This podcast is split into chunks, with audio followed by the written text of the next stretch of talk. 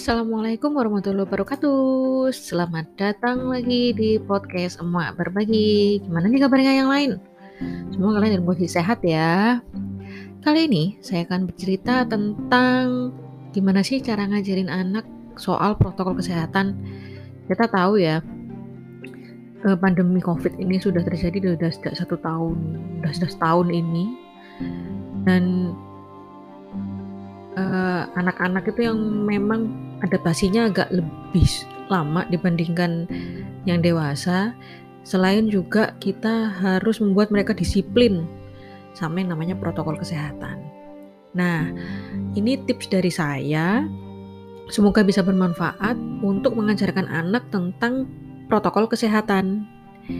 Yang pertama adalah dari rumah ya, jelas yang pasti itu karena pandemi anak-anak belajarnya di rumah. Maka dari itu, kebiasaan yang dicontohkan juga kebiasaan yang ada di rumah. Nah, ini ya diajarkan nih anak-anak ini. Yang pertama soal cuci tangan, rajin dan rutin dicontohkan. Kapan kita harus cuci tangan? Kita kasih tahu nih sama anak-anak. Kita cuci tangan setelah bersih, cuci tangan. Setelah pakai masker, lepas masker, cuci tangan. Setelah pegang barang dari luar, cuci tangan. Setelah dari kamar mandi, kita harus cuci tangan. Dan juga uh, setelah kalau misalnya kita dari luar bersih-bersih ya, bersih-bersih juga.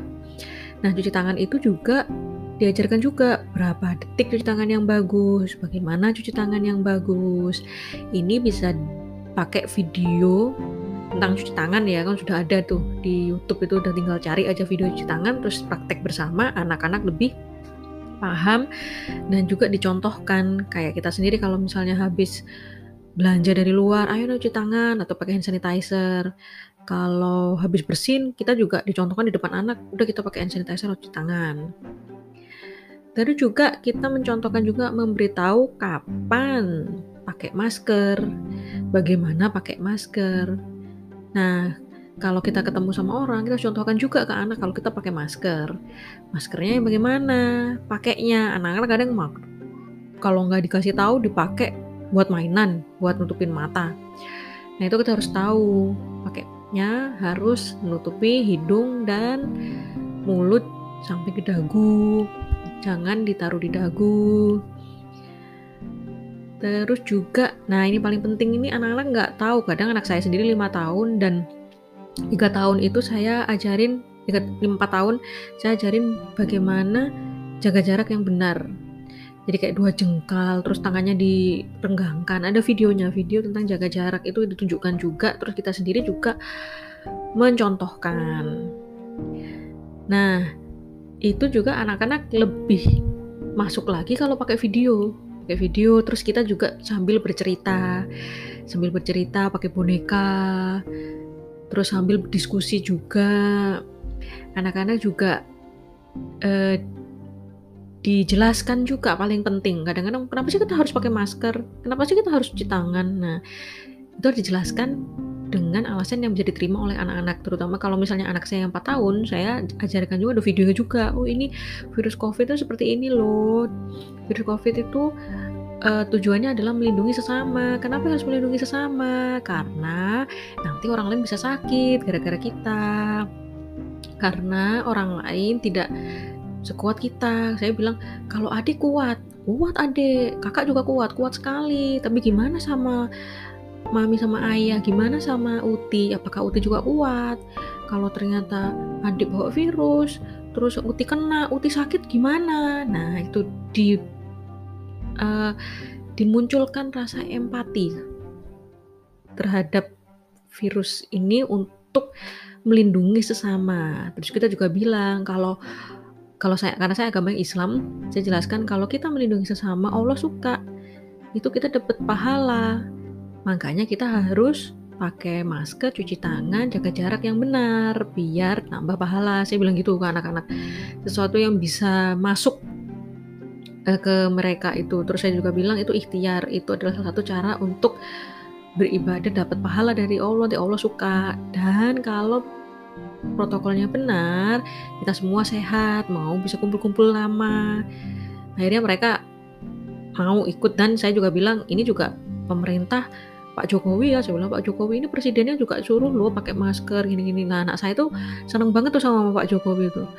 Akhirnya apa saya nunjukin Pak Jokowi pakai masker Pak Jokowi cuci tangan nurut dia mau cuci tangan pakai masker. Katanya bilang sama biar sama Pak Jokowi. Oke. Okay. terus juga setelah itu uh, orang tua juga mencontohkan ya kayak saya kalau di luar rumah saya coba tes dia itu dia udah lama gak keluar saya cari tempat yang sepi dan gak terlalu banyak orang saya cek nih gimana dia cuci tangannya gimana dia bersihin diri pakai uh, hand sanitizer kalau nggak ada tempat cuci tangan gimana maskernya itu saya uji dulu dia. Oh kadang maskernya bener oh kadang ini yang salah terus gimana dia jaga jarak sama temannya? Nah itu juga nggak cuma satu kali dua kali. Itu anak saya mungkin perlu satu bulan dua bulan untuk lebih mungkin. Sampai sekarang aja kan masih saya ingetin. Udah hampir setahun.